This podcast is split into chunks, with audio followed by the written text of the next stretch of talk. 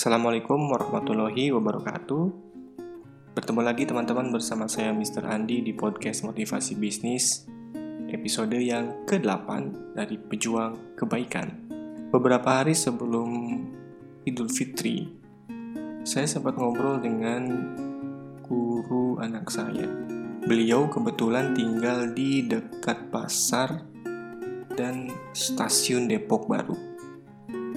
Nah, di situ beliau bercerita bahwa ada satu kampung di mana kampung tersebut adalah kumpulan dari para peminta-minta.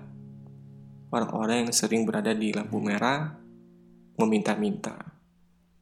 Namun yang menjadi menarik adalah ternyata kalau kita lewat di kampung tersebut, maka kita tidak akan melihat pemandangan orang yang kesusahan atau perlu bantuan. Malah sebaliknya, yang kita lihat adalah orang-orang normal yang bisa hidup berkecukupan, bahkan mungkin lebih dari orang-orang yang bekerja serabutan gitu kan. Menariknya lagi, pernah beliau bertemu dengan ibu-ibu yang biasa nongkrong di lampu merah yang berada di kampung tersebut dan beliau kaget ketika melihat ibu tersebut jauh sekali penampilannya dengan ketika berada di lampu merah dengan baju yang bagus, dengan perhiasan, mungkin orang tidak akan aware gitu dengan keadaan seperti itu. Kemudian ada lagi, suatu ketika guru anak saya tersebut mau ke pasar sebelum subuh gitu. Kemudian beliau berpapasan dengan seorang bapak-bapak yang beliau sering lihat jalan dengan diseret, tertatih-tatih, menyedihkan. Ternyata bapak-bapak itu bisa berjalan dengan cepat sekali menuju lokasi kerjanya. Nah, dari short story tersebut, saya menjadi berpikir, apakah dana kemanusiaan yang kita sumbangkan atau rasa iba kita kepada para peminta-minta di pinggir jalan itu sudah tepat sasaran atau belum akan menjadi sangat menyedihkan ketika orang-orang yang membutuhkan orang orang yang benar-benar membutuhkan uang malah tidak mendapatkan bantuan dan kita malah memberikan bantuan kepada orang yang tidak perlu dibantu kita memberikan bantuan pada orang yang memang menjadikan mengemis sebagai pekerjaan. Jadi apa yang harus kita lakukan?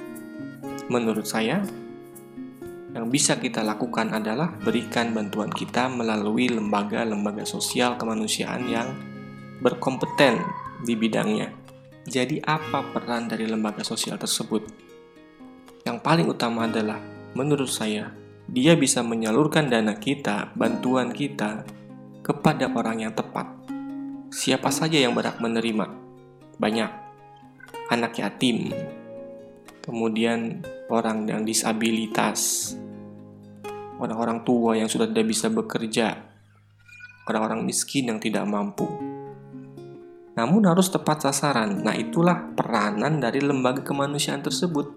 Jika kita bisa memberikan bantuan tersebut kepada lembaga yang berwenang, maka insya Allah apa yang kita berikan akan tepat sasaran banyak yang bisa kita berikan bantuan mulai lembaga contoh ACT atau Act for Humanity ada rumah zakat ada Baznas banyak lagi lembaga-lembaga atau yayasan-yayasan sosial yang memang betul-betul mengelola yang berhak menerimanya. Yang lucu adalah menjelang hari raya nih. Ini kebiasaan yang sering saya lihat ya. Kalau kalian lewat dari jalur Lebak Bulus menuju UIN atau Ciputat, maka sebelum UIN itu akan berjejer yang disebut dengan manusia gerobak. Entah dari mana datangnya, mereka bisa berada di pinggir-pinggir jalan, gerobak berjejer, kemudian mereka bisa tiduran dengan alas koran atau kardus membawa anak. Berjejer aja gitu menunggu bantuan atau menunggu orang memberi. Tapi ketika nanti sudah selesai, sudah lewat hari raya, mereka hilang lagi entah ke mana. Itu adalah fenomena yang menurut saya luar biasa ya. Karena itu terjadi berulang-ulang terus dan terus dan terus. Jadi bukan berarti kita berdiam diri bukan berarti kita tidak ikhlas memberikan bantuan, namun akan lebih baik kalau bantuan tersebut sampai kepada yang membutuhkannya, sampai kepada saudara-saudara kita yang membutuhkan. Mungkin gini teman-teman, ada kalanya orang yang membutuhkan itu adalah orang-orang yang justru tidak meminta-minta. Mungkin orang yang membutuhkan itu adalah orang yang berdagang dagangan-dagangan kecil, dagangan-dagangan biasa dengan untung yang tidak seberapa. Yang mungkin pendapatan harian mereka kurang dari 50 ribu harus membiayai keluarganya.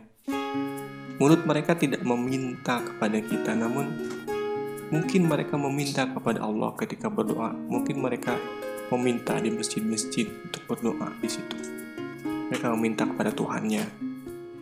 Mungkin mereka bukan orang-orang yang kelihatan lusuh, bukan orang-orang yang kelihatan tidak mampu yang ada di pinggir-pinggir jalan, semisal lampu merah. Bisa jadi.